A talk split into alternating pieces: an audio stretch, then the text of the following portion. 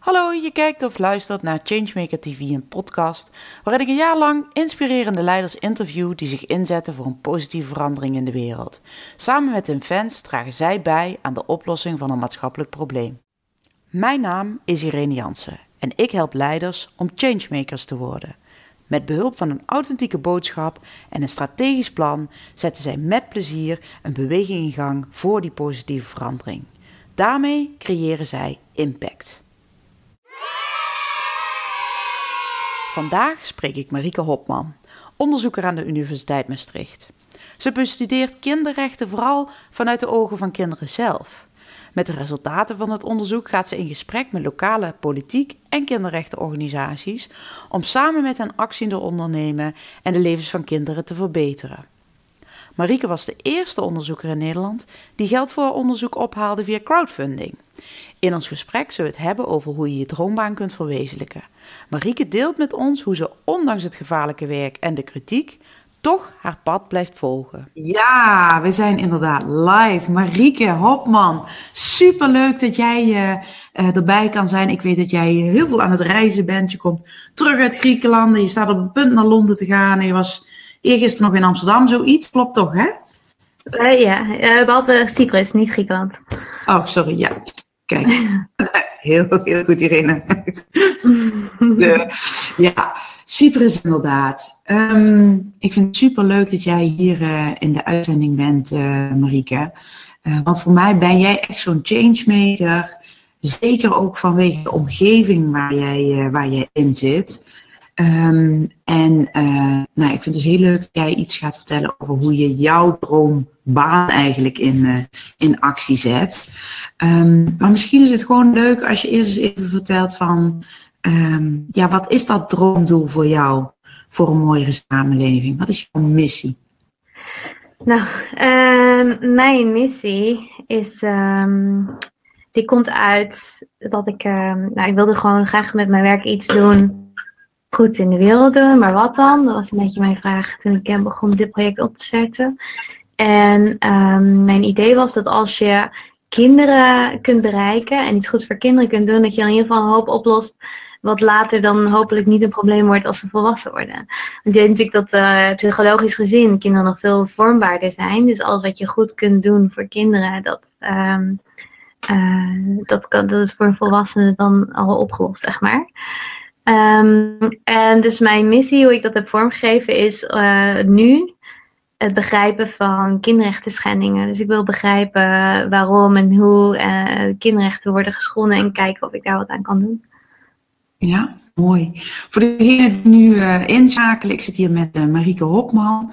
Zij is onderzoeker en kinderrechtenactivist. Um, en we gaan het helemaal hebben over jouw droomdoel in actie zetten. Als je aan het kijken bent, hebt vragen, um, laat het horen. En ik ben ook heel benieuwd om van jou te horen um, ja, wat jij eigenlijk zou willen weten over jouw droomdoel in actie zetten. Dus laat eventjes van je horen als je zit te kijken. Ja, dus je hebt het over. Uh, goedenavond, Nita. Je hebt het over. Eigenlijk, het, als, je, als je kinderen al uh, een goede start geeft, eigenlijk, dat zijn mijn woorden, dan hoef je een hele hoop niet te repareren achteraf, zeg maar. Mm -hmm. Je dreigt. Wat moet daarvoor gebeuren? Want dat is een hele grote missie. Ja, nou ja, iedereen draagt daar natuurlijk een klein steentje aan bij. En, en ik dus ook. Daar moet een hele hoop voor gebeuren. Maar um, ik denk dat kinderrechten een heel mooi instrument is. Dus de internationale kinderrechten een heel mooi instrument is. Waarbij we een aantal afspraken hebben gemaakt met alle landen ter wereld. Hoe we denken dat we dat kunnen realiseren. Dus dat ze in een veilige, goede omgeving opgroeien. Dat ze onderwijs krijgen. Dat ze uh, respect voor verschillende culturen leren, dat ze een nationaliteit krijgen, dat ze uh, gezondheidszorg krijgen, nou, dat soort. Dat is heel veel. Ja, ja, zeker. Maar wat, ja, toch doe ik ook wel echt heel veel. Want uh, wat ik in mijn uh, onderzoek nu doe, is proberen een alternatieve manier eh, te, te, bedenken of te. Ik heb een, een alternatief theoretisch kader bedacht en een methodologie erbij waarbij ik zeg: volgens mij moet je kinderrechten schendingen, als je dat wil in welk land, in welke context dan ook, als je daar iets, iets aan wil veranderen, dat die geschonden worden, dan moet je die op een andere manier onderzoeken. Dus je moet niet alleen maar naar de wetten kijken, maar je moet luisteren naar die kinderen zelf en gaan kijken wat er gebeurt. Dus dat, dat, dat is ook een heel breed punt en dat kan in heel veel verschillende contexten worden toegepast. Uh, maar ik zie wel dat dat aan het veranderen is. En dat ook in de, de casussen die ik heb onderzocht. En waar ik ook daarmee de, de samenleving in ga. Dus je noemde Amsterdam. Dat was een conferentie voor, uh, over kinderen die niet naar school gaan. En dat is een van de case studies waar ik naar heb gekeken. Dus recht op onderwijs in Nederland.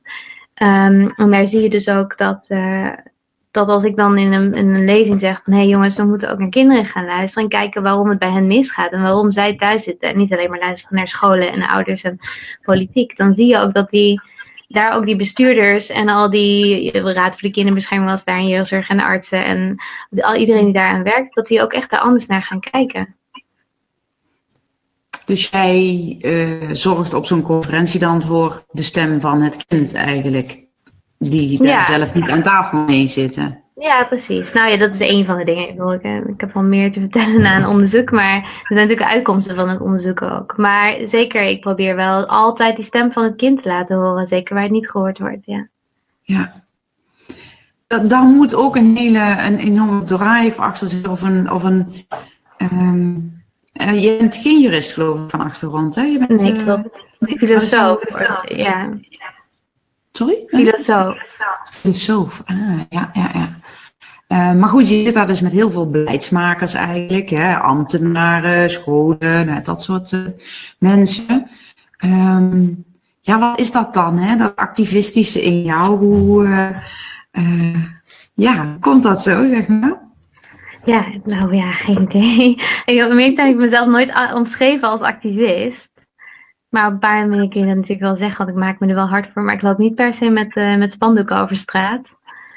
Ik ben meer van de, van de diplomatie, zal ik zeggen. Um, dus voor mij, um, ja, waar dat vandaan komt, waarom ik dit werk wil doen. En ook daar echt wel heel hard voor vecht om dat voor elkaar te krijgen. Um, ja, ik weet eigenlijk niet precies waar dat vandaan komt. Een heel sterk rechtvaardigheidsgevoel. Ik denk dat je misschien daar gewoon mee geboren wordt. Of, uh, het gevoel van ik moet iets, iets nuttigs doen in mijn leven. Ik moet ergens voor. Het moet zin hebben. Zoiets. Niet alleen maar leven voor mezelf. Ik denk dat heel veel mensen prima tevreden kunnen zijn met een mooi leven voor zichzelf. En misschien nog voor de buren. En, en mijn uh, ambities daarin zijn anders. Nou, ik denk dat dat wel iets is wat ook voor de changemakers die, uh, die ja. uh, kijken heel herkenbaar is. Hè? Die, die drive, uh, nou ja, een rechtvaardigheidsgevoel, die, dat gevoel van het het mag of het moet groter zijn dan alleen voor, voor mijzelf. Ja, mm-hmm, heel mooi. Yeah. Voor degene die zitten kijken, als je dat herkent, laat eventjes laat even weten.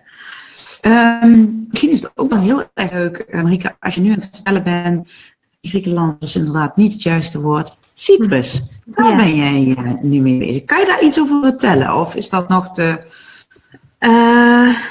nou, dat is inderdaad nog een beetje nieuw. En bovendien een beetje politiek gevoelig. Dus om eerlijk te zijn, ik kan wel over andere cases vertellen. Ja, maar nou ja, de situatie... waarvoor je in Amsterdam was, uh, als je daar iets over kan vertellen? Of, uh... Ja, tuurlijk, tuurlijk. Nou, dat is uh, dus um, nadat ik die nieuwe zeg maar, theorie en methodologie heb ontworpen, ben ik nu uh, dat gaan toepassen op verschillende case studies. Ook om te kijken of werkt, die, werkt het ook nog echt in de praktijk? Werkt die theorie echt? Heeft het echt zin om met kinderen te praten? Kun je dan inderdaad iets beter begrijpen? En als, als je iets begrijpt door onderzoek, hoe kun je dat dan weer omzetten in actie? En dat er ook echt iets verandert voor je kinderen. Dus de eerste case study, en daarvoor was ik in Amsterdam, is um, het recht van het kind op onderwijs in Nederland. En dan specifiek gericht op wat ze hier noemen thuiszitters. Dus kinderen die niet naar school gaan, die thuis zitten. En um, thuisonderwijs, dus kinderen die thuisonderwijs krijgen waar de ouders daarvoor gekozen hebben.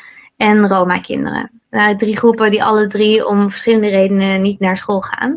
Mm-hmm. En ik wilde weten, hoe zit het dan met hun recht op onderwijs? En wordt dat geschonden of niet? En hoe zit dat dan? Dus ik heb daarvoor uh, interviews gedaan. Ik heb samengewerkt daarbij met de NGO Defense for Children. Mm-hmm. We hebben samen rapporten over uitgegeven, ook over die case study. Um, dus ik ben gewoon vooral met kinderen, maar ook met ouders, met beleidsmakers, politici, met uh, gemeenteraadsleden, met scholen. Ja, zo met allerlei mensen gaan praten. om te begrijpen wat, gebeurt daar nou eigenlijk. Dus wat betekent het recht op onderwijs voor kinderen in Nederland en hoe ze het dan met die kinderen die thuis zitten? Ja, of als ik het goed begrijp, zeg jij dus ja, je moet vooral gaan praten met, met kinderen. En blijkt er uit die case studies dat dat dan effect heeft? Of hoe, hoe zit dat dan? Ja, nou, ik zeg dus niet, je moet alleen praten met kinderen, maar je moet in ieder geval ook praten met kinderen. Kijk, heel vaak wordt dat overgeslagen. Dus dan wil je, willen ze begrijpen waarom een kind thuis zit. En dan gaan ze het vragen aan de ouders, en dan gaan ze het vragen aan de school en aan de gemeente. En dan nemen ze een beslissing op basis daarvan. En dan hebben ze nog nooit iets aan het kind gevraagd. Nou, dat is sowieso al heel frustrerend voor een kind. Dat je, het gaat over jou, iedereen heeft het over jou en je mag helemaal niet meepraten. Het gaat bovendien ook tegen kinderrechten in, want ze hebben uh, volgens artikel 12 hebben ze recht op participatie in, in beslissingen over hun leven. Um, dus op zijn minst gehoord worden betekent niet dat je zelf mag kiezen, maar wel dat je gehoord wordt. Um, en het, ja, er komt ook natuurlijk een heel ander perspectief uit, een heel ander beeld. Dus zeker bijvoorbeeld die, um, die thuisonderwijsgroep bijvoorbeeld, dat is een hele lastige groep, want het is heel vaak uh, ouders die dat heel graag willen die echt besloten hebben, ik ga thuisonderwijs geven. Ik vind dat dat beter is. Ik kan het beter dan op school. Soms nadat kinderen naar school gaan, soms zonder dat de kinderen ooit op school zijn geweest. Mm. Um, maar, en die zijn er heel erg sterk van overtuigd. Er is een hele sterke politieke lobby daarvoor. Ze willen dat het legaal wordt in Nederland. Dat is het nu niet. En, nou ja, en dat is zo, die roepen zo hard. En die scholen die roepen ook heel hard. En de, de politie roepen heel hard. Hebben allemaal mening. En dan komt ook nog een christelijk aspect bij kijken. Of religieus überhaupt. Ook uh, Joods en moslim. Um, maar die kinderen die, die worden daar dus niet in gehoord. Dus er is bijvoorbeeld een groot onderzoek geweest naar die groep in Nederland. Door uh, een groot onderzoeksinstituut. Gefinancierd door de overheid. Mhm. En die hebben dus uh, als onderzoeksmethodologie hebben ze alle ouders die thuisonderwijs gaven gebeld. En gevraagd hoe zit dat nou met jouw kind en gaat het allemaal goed en hebben ze wel vriendjes en, uh, enzovoort. En al die ouders zijn natuurlijk, nou, gaat hartstikke goed. En, en nul kinderen gesproken. Ja, nou ja, en, en ik heb dus wel die kinderen gesproken. En het is niet zo dat het nou allemaal zo ontzettend rampzalig is dat ze echt mishandeld worden of zo. Maar tussen de kinderen die ik heb gesproken. Maar het is wel zo dat dat een heel ander beeld geeft.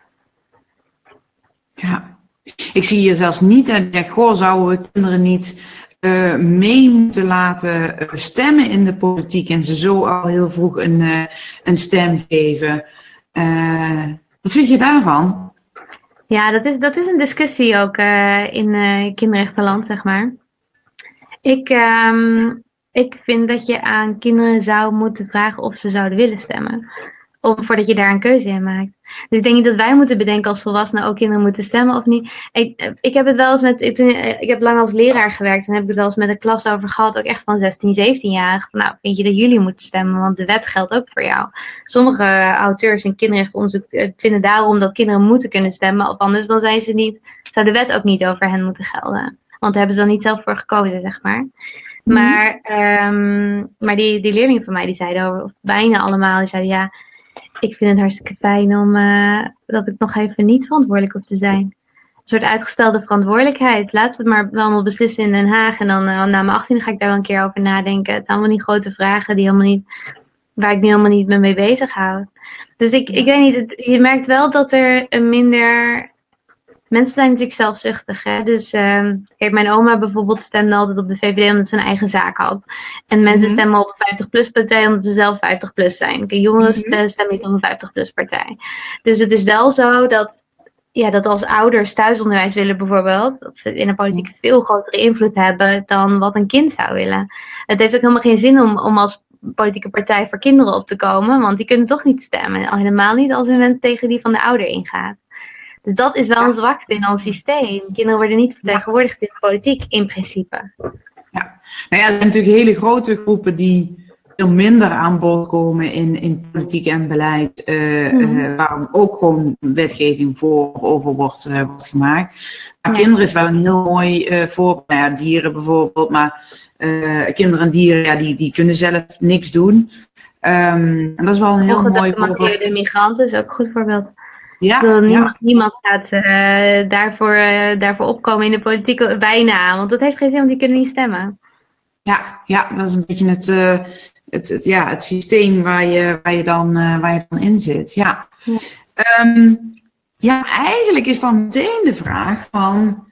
je komt dus op uh, voor een groep die het zelf niet kan, vanwege een heel sterk vaardigheidsgevoel, die idee van ja, ik moet hier iets mee, ik moet hier verandering inbrengen. Um, maar wie zijn dan eigenlijk jouw fans? Wie zijn nou de mensen van je die zeggen van ja, Marieke, uh, jij bent goed bezig en ik wil met jou meedoen, of ik wil je helpen, of ik wil je ambassadeur worden, of nou, noem maar op.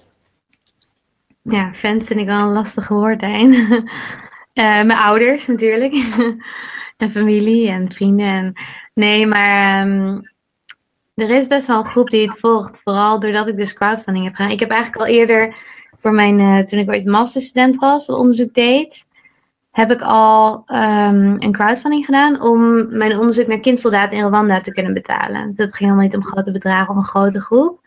Maar die mhm. mensen die toen dat steunen, en dat kwam echt uit mijn eigen omgeving, maar ook wel bijvoorbeeld docenten van mij van de universiteit of zo, die iets doneerden. Of uh, ja, mensen die ik verder niet per se ken, of mijn ouders hadden doorgestuurd, of dan collega's van mijn vader of zo. Dat soort. Dus niet mensen die ik per se persoonlijk ken. Maar sowieso een, ja, eigenlijk een klein groepje was er toen van, uh, van donateurs mensen die het volgden en geïnteresseerd waren. En toen voor mijn promotieonderzoek heb ik opnieuw een groter crowdfunding gedaan. En toen kwam het ineens heel erg in het, uh, in het nationale nieuws. Dus um, uh, echt op, op nationaal niveau. In de krant heeft het gestaan. Ja, in, dit, dit is een um, goed ding, hè? Nu is, klaar, dat klinkt nu allemaal alsof dat allemaal heel zo vanzelf ging. Ja. Maar je bent de eerste onderzoeker in Nederland die gewoon haar hele onderzoek door middel van crowdfunding uh, financiert, toch? Ja, dat, dat, klopt. Ja. Ja, maar ja, goed, dat was toen, wist ik dat helemaal niet. ik wist helemaal niet dat het de eerste was, weet ik veel. Ik, ging het gewoon, ik had niet een ander voorbeeld gezien of zo, maar ik ging het gewoon doen. Um, en daar kwamen dus mensen van die, die betrokken, die dat heel tof vonden en, en dat gingen volgen. Maar ook natuurlijk mensen die dat helemaal verschrikkelijk vonden.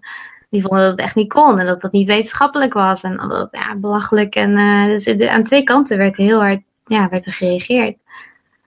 Ja. Dus, het was, en dus een deel daarvan is blijven hangen, zeg maar. En een deel daarvan volgt het nog steeds. De merken ook, die hebben, weet je al, die volgen de nieuwsbrief en de video's, of die volgen het op Facebook. Of, uh, en nu komt er weer een nieuw, nu, dus nu die case in Cyprus, daar gaan we weer een campagne voor doen.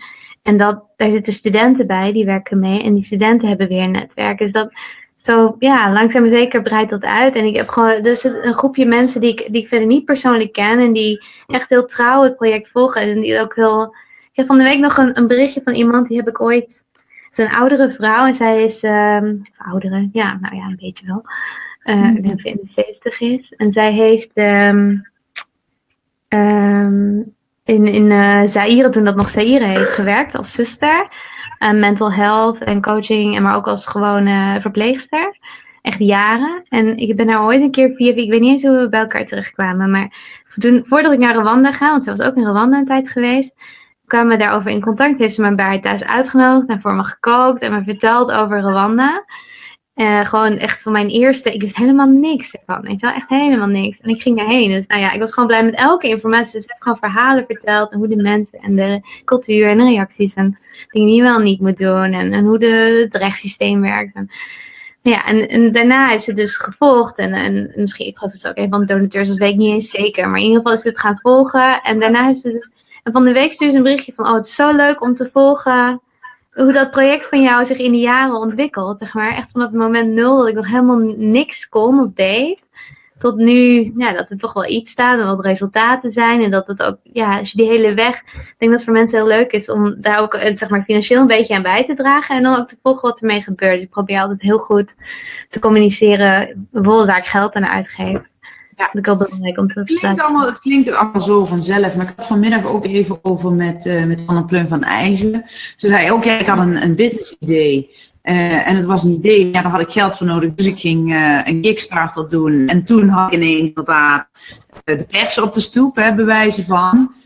Dat klinkt voor jou, voor haar, klinkt het achteraf allemaal een soort van logisch. Maar voor al die mensen die nu zitten te kijken of die straks terugkijken en die zeggen van ja, uh, weet je wel, ik ga even een crowdfunding doen. Uh, ja, vertel eens, hoe, hoe, wanneer denk je, uh, ja, is dat echt een beetje, um, hoe heet dat, jeugdige onbezonnenheid? Of is dat enorme drive? Of wat, hoe, hoe gaat dat? Ja, allebei sowieso.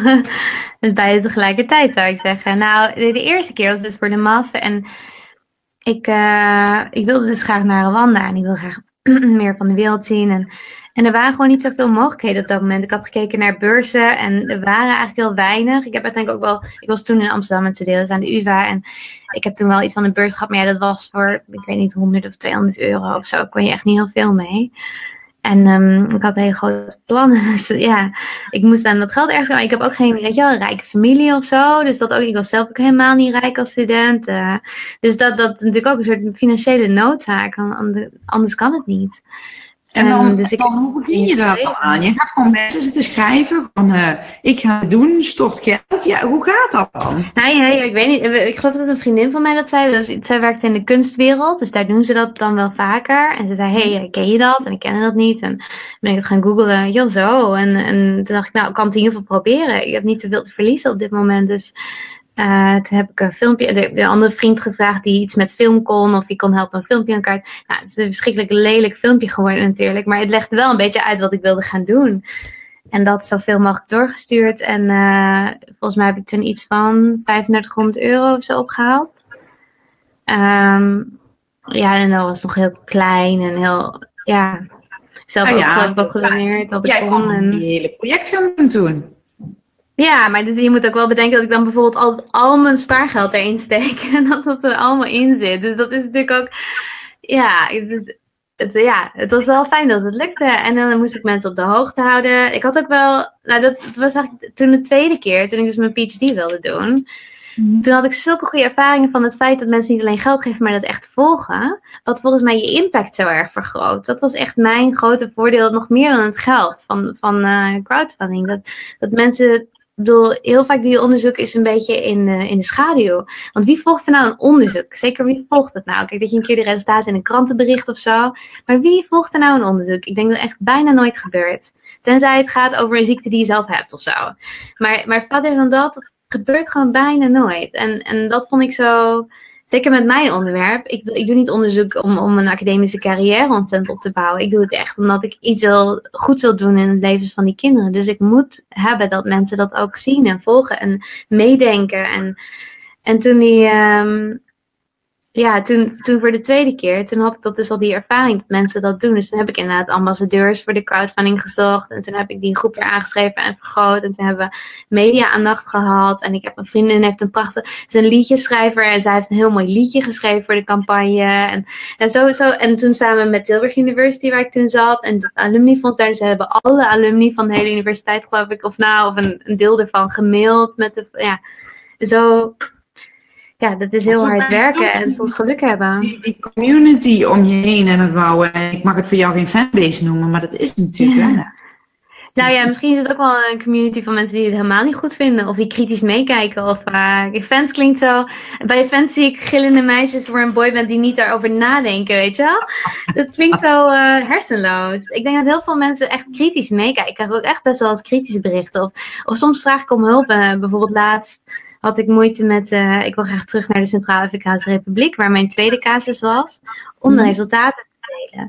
Maar dat is zo'n ingewikkelde politieke situatie. En het was moeilijk om daar geld voor te kunnen vinden om dat te kunnen doen, want uh, dat land wordt helemaal niet erkend. Dus het staat onderaan alle rankings van uh, minst ontwikkelde land ter wereld, armste land ter wereld, meest gewelddadige plek enzovoort. Maar niemand kent het überhaupt. Dus het is heel moeilijk om daar aandacht en geld voor te vinden. En dus ik had zo'n bericht van help, ik weet echt niet wat ik moet doen. En dan krijg ik ineens een mailtje van iemand die dat dan blijkbaar gezien heeft. En die werkt bij een fonds en die denkt die misschien wel kan helpen. En er komen allemaal mensen met ideeën. En ik weet helemaal niet of één daarvan echt gaat werken. Maar het is wel heel fijn dat je je gesteund voelt dat mensen, mensen meedenken. Ja, ook mooi. bijdragen. Ja, mooi. Voor degene ook die zitten te kijken, hè, zie jij dat om je heen? Mensen die vanochtend gingen het ook over van hoe zet je je netwerk in om uh, jouw droomdoel uh, in actie te zetten?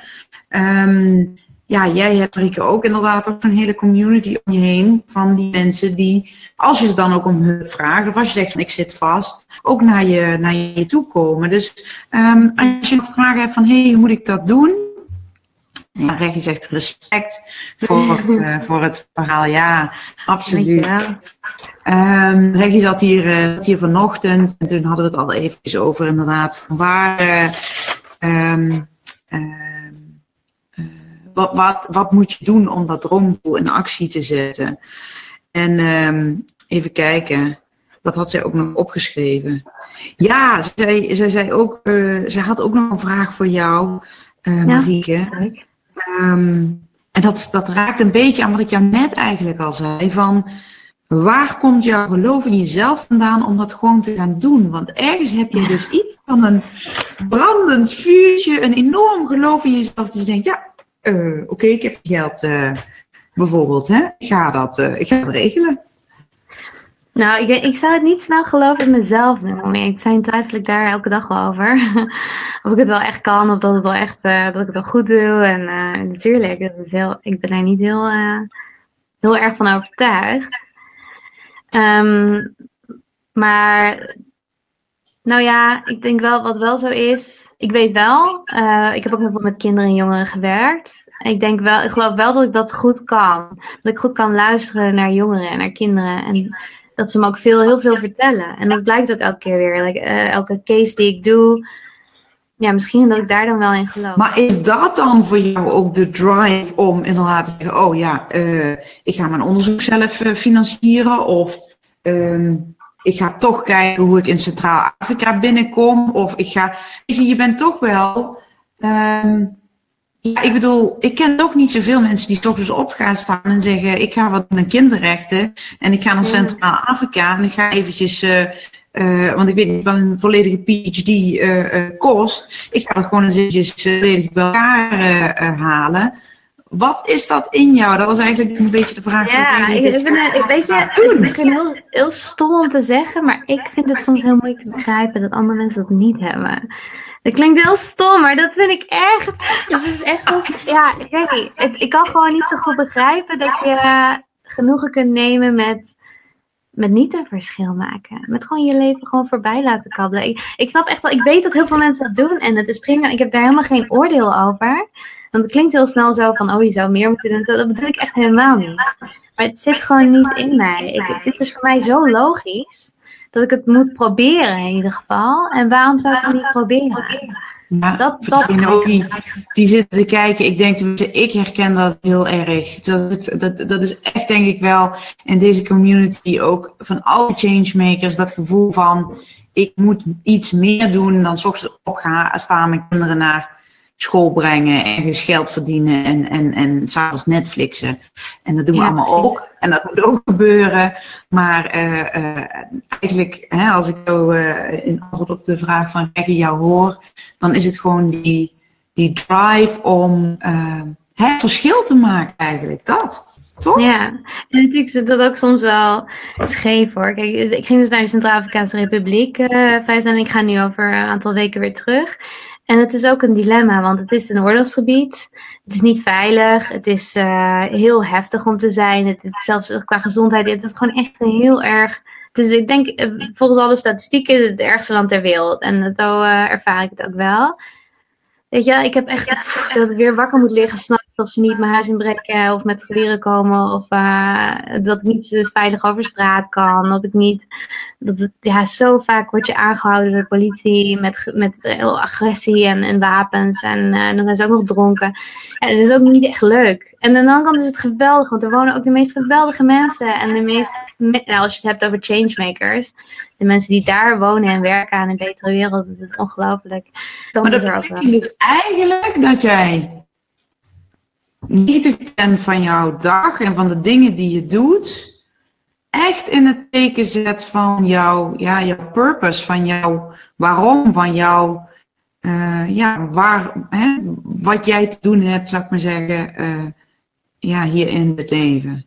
Ja, nou, het is, het is het steeds een zoeken naar balans.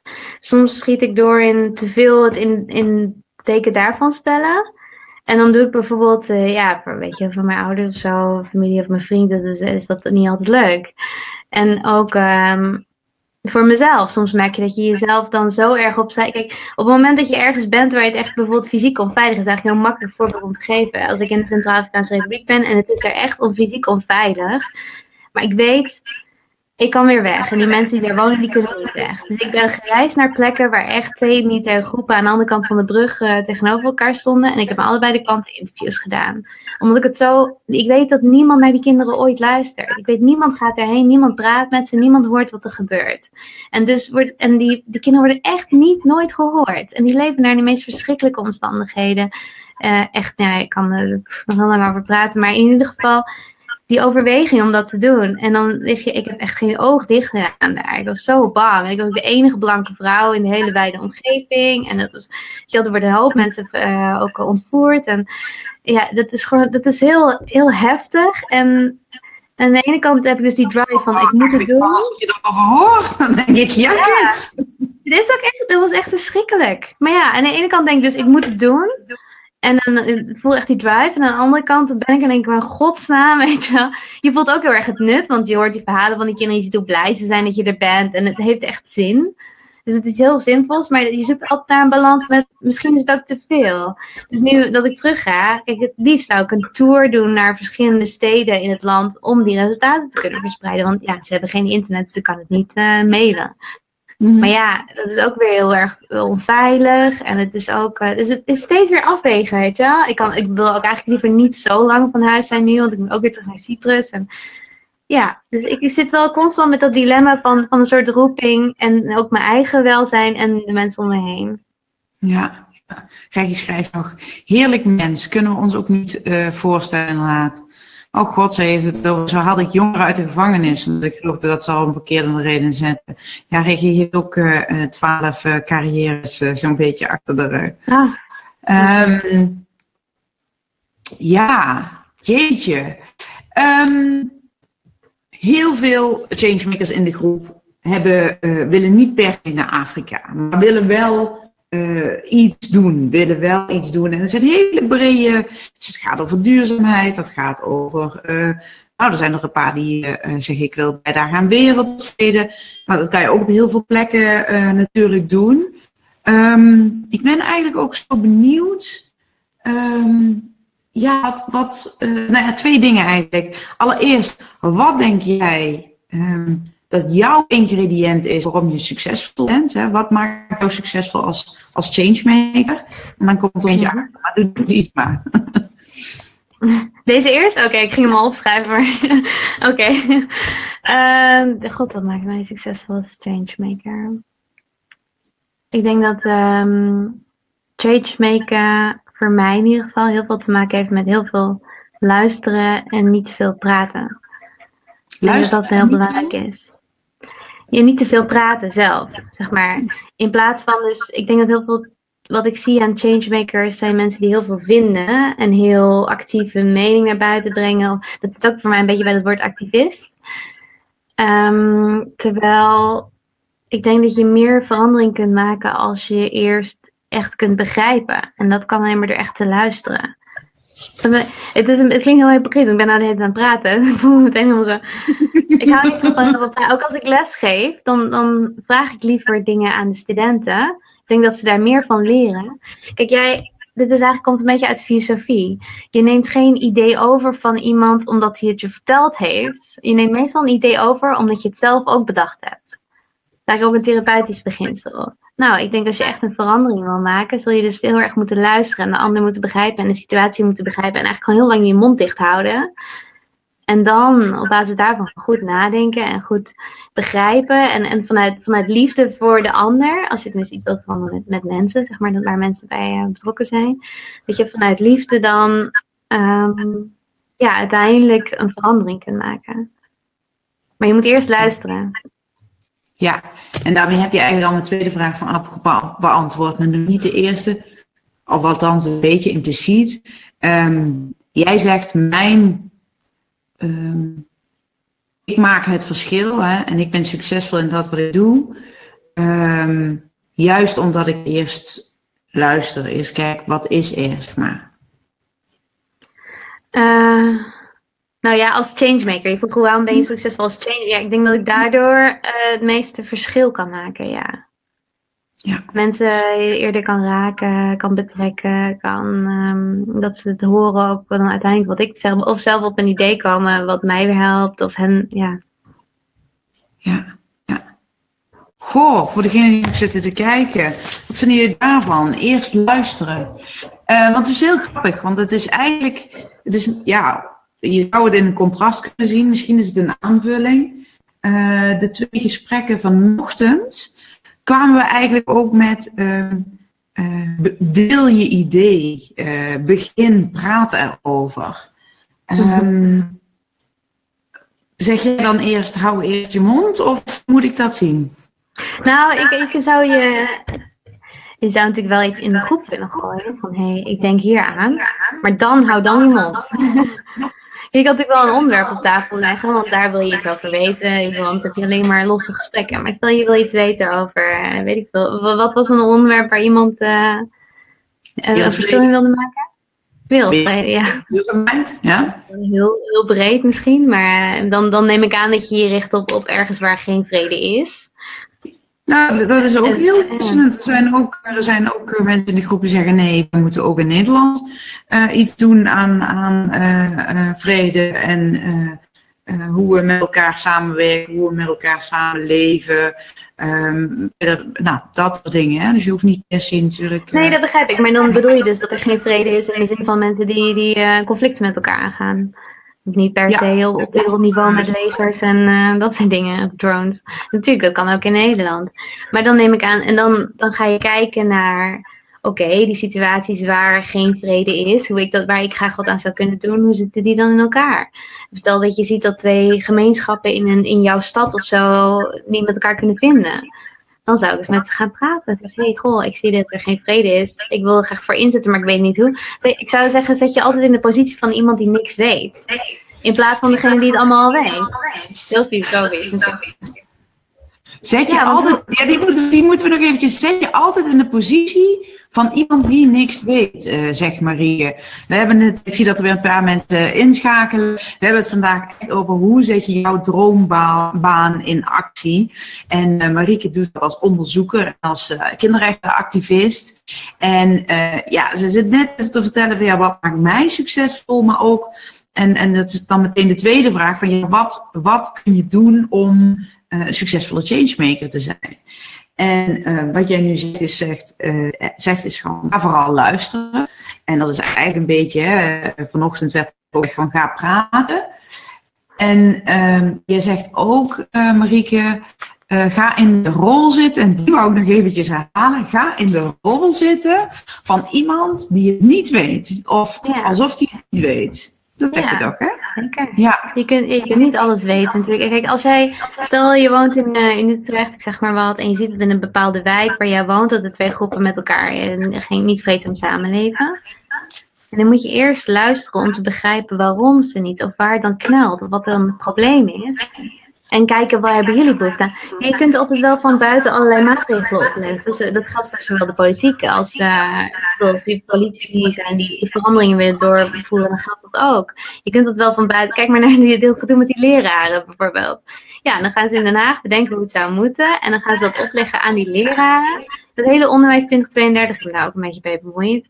Dat, uh, dat, en dan hebben ze wel geprobeerd te luisteren, maar dat is dan weer niet zo goed gelukt. Dus iedereen zegt, ja, ik voel me niet gehoord. Ik sta elke dag voor die klas. Ik word niet gehoord in dit plan. Dus ik ga het ook niet doen ook. En dat, zo, dat werkt niet. Ja, dat. Als je zit te kijken, van, herken je dat? Van dat je als changemaker soms beter eigenlijk eventjes je oor te luisteren kan leggen. Eh, dan meteen te zeggen hoe je vindt dat het moet. En er, zit, moet, er, zit, natuurlijk, er zit natuurlijk een verschil tussen. Hè, en vanochtend ging het over van spreek je vooral uit. Um, um, het is denk ik de beide. Hè? En dat zeg je eigenlijk ook. Leg het onderwerp al op de tafel. Dat is eigenlijk ook wat jij zegt. Hè? Ja, ja. Um, het maar ga vervolgens niet invullen. Dat, tenminste, dat is een beetje wat ik ervan uh, op. Uh, ja, en, maar je moet het ook echt menen. Kijk, als je het niet meent, als je zegt ik ga luisteren, want dat hoort zo volgens de gids, is dat stap 1, weet je Dan werkt het natuurlijk niet. Je moet echt geloven ook dat je iets kunt leren van anderen. En dat je dat zij, uh, als politicus die iets aan onderwijs wil doen, moet je echt gaan over dat als je met leraren praat, dat zij zich, sommige mensen die luisteren wel voor de vorm dat ze hoort, maar die weten het eigenlijk al beter. Terwijl je moet echt geloven dat je van iedereen, inclusief kinderen dus, in mijn geval, dat je echt iets kan leren. En dat die een waardevolle perspectief hebt, wat, wat, um, wat anderen niet, wat jij zelf niet hebt. Ja, Jetske zegt ook gewoon door blijven vragen. Hè?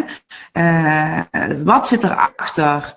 Uh, en, en jezelf bewust blijven. Um, uh, ja, dat je ook niet, dat je ook niet, niet alles weet. Ik vind het al heel moeilijk om begrip op te brengen voor iemand die zegt: Ja, vrouwen hebben eigenlijk een, een missie in het leven. Ja, dat is iets heel anders dan de politiek of een topbaan. Uh, dus ja, we hoeven ons daar eigenlijk ook helemaal niet zo druk over te maken. Dat is gewoon zo. Nou, daar word ik al heel erg, heel erg boos over. Kan ik al niet zoveel begrip voor, uh, voor opbrengen. Dat is nog eigenlijk een soort van ja, simpel iets. Maar ik, um, als je dan dus zit bijvoorbeeld met iemand die kindsoldaten uh, nee, maar ik, ik vind eigenlijk dat, dat vrouwenvoorbeeld wat je geeft, zeg maar, dat vind ik een heel goed voorbeeld. Want als, kijk, je, je kunt natuurlijk gewoon denken, ja, jammer dan, iemand vindt dat. En of ik ga ermee ruzie maken, of dat kan allemaal. Maar als jij als changemaker, als jij er iets aan wilt veranderen, en misschien aan hoe die persoon het ziet, of misschien aan, uh, aan, aan het feit dat mensen dat zo zien. Want zij is die persoon is natuurlijk niet de enige je kunt dat niet veranderen als je het niet echt kan begrijpen. Als je je tegen afzet, dan kun je het niet begrijpen. Als je het niet kan begrijpen, kan je het niet veranderen. Jou afzetten geeft alleen maar dat die ander zich ook nog meer uh, versterkt in zijn positie. En je bereikt dus helemaal niks. Als je er inderdaad op gaat zitten reageren, dan, dan, kom, je niet zo, uh, dan kom je niet zo ver. Maar het gaat wat, wil je, wat wil je veranderen? Het gaat er mij om hoe wat doe je op dat moment? Want, want daar gaat het eigenlijk om. Hè? De, theorie snap ik ook nog wel. Maar het gebeurt wel. En jij zit daar met zo iemand die, die, die kindsoldaten recruteert. Hè? Dan kan ik, daar zou ik nog twee miljoen keer boos van worden, zou ik maar zeggen. Hè? Maar, maar, nee, maar ik, maar ik, word niet, ik word niet boos. Want het, eh, ik ga, misschien is het, ik ga gewoon uit van het principe dat iedereen probeert het beste te doen. En als je het zo hoort, dan is dat ook echt zo. En die persoon, zeg maar, ja, ik heb twee, twee mannen dan echt gesproken die echt zelf uh, kinderen recruteerden. Maar ja, die, waarom doe je dat? Niemand doet dat voor de lol, weet je wel? Mensen gaan echt niet voor de lol een kindsoldaat recruteren. Of, of mensen hebben echt niet voor de lol om vrouwen te kwetsen, zo'n opvatting. Er zit niks evil per se achter.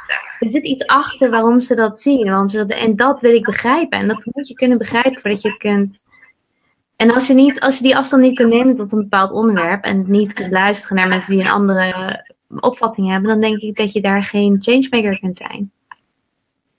Kijk, nou, daar zit ik dan.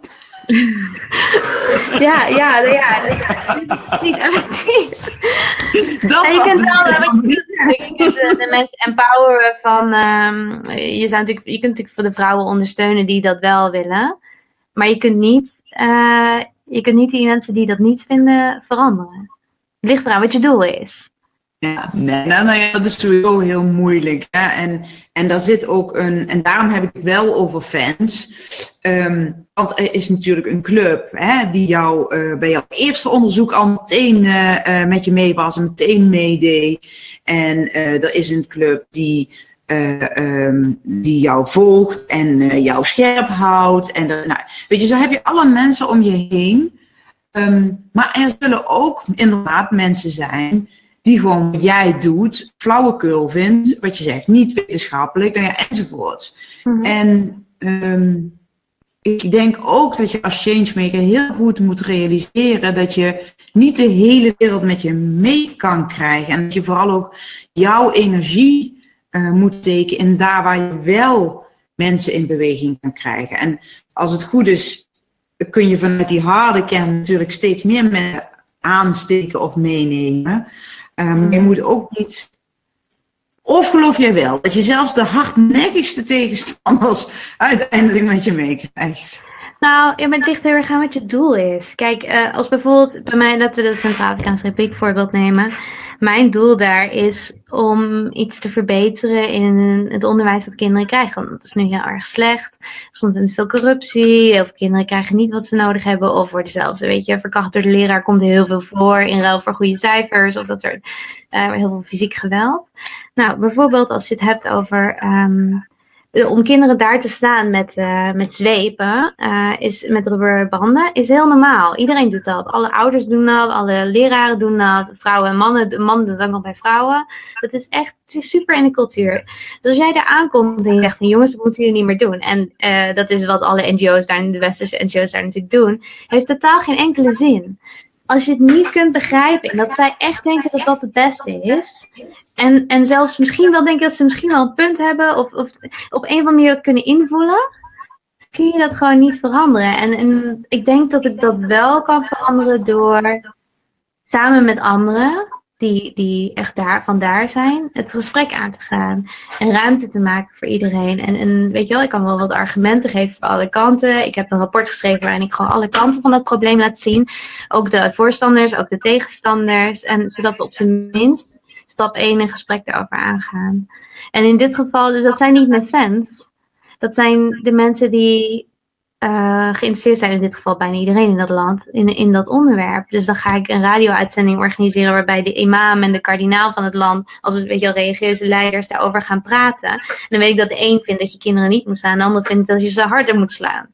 Nou, en dan laat ik ze met elkaar in gesprek gaan en dan hoop ik dat daar een, een dialoog op gang komt. Dat mensen in de dorpjes met elkaar erover gaan praten. En dus ik hoef niet per se mensen van iets te overtuigen, omdat ik denk dat dat toch niet werkt. Ja, beweging creëren door de dialoog te starten, te luisteren, maar vooral ook anderen met elkaar in gesprek te laten gaan. Dat is ja, en ik denk, en, en, steeds opnieuw kijken per stap, wat is nou eigenlijk je doel? En hoe kun je daar het beste komen? En die weg ernaartoe kun je alleen maar bepalen door de mensen te begrijpen en te luisteren. Zo zou ik het samenvatten. Wauw, mooi gezegd. Ja, ik zie ook hele mooie reacties nog voorbij komen van Reggie, Vignet, van Nita. Um, als je nog zit te kijken, je zegt van, oeh, ik heb nog een heel brandende vraag, ik wil nog iets kwijt, uh, of ik wil nog even iets laten weten, doe dat uh, vooral um, nu. Uh, dan uh, rond ik eventjes met uh, Marieke af. Wij blijven ook nog heel eventjes online. Dus als er nog iets komt waarvan je denkt, dat moet ik nog kwijt, laat het gerust weten. Maar voor nu, Marieke, wil ik jou enorm bedanken. super mooi werk wat je doet. Heel inspirerend om te horen hoe jij um, ja, toch ook aan de ene kant stappen blijft zetten en dingen gewoon gaat doen. En aan de andere kant heel veel uh, ruimte en begrip en, en, een, een, soort van space, ja, ruimte creëert om, uh, om onderwerp door verschillende mensen, ja, dat ze daarmee beginnen, zeg maar, of dat ze daarmee over gaan praten überhaupt. Um, ik ga je sowieso blijven volgen. Ik ben sowieso fan. Uh, of je het leuk vindt of niet. En uh, uh, nou, misschien als de tijd rijp is en je kunt wat delen over het project waar je nu mee bezig bent. dan doe dat vooral. want ik denk dat anderen dat ook ontzettend leuk vinden. Dankjewel. Mooi interview. Dankjewel voor de mooie vragen. Nou, jij heel erg bedankt. Ik weet zeker dat we weer um, ja, dit onderwerp hoe zet je jouw droomdoel in actie? Um, ook weer heel mooi met jouw verhaal kunnen, kunnen illustreren. Dus super bedankt uh, daarvoor, Mieke. Je keek of luisterde naar Changemaker TV en podcast. Fijn dat je erbij was. Laat vooral even weten wat je ervan vindt door like te geven of een reactie achter te laten. Wil je niks missen van deze serie met inspirerende leiders die zich inzetten voor een positieve verandering in de wereld? Abonneer je dan even. Be the change.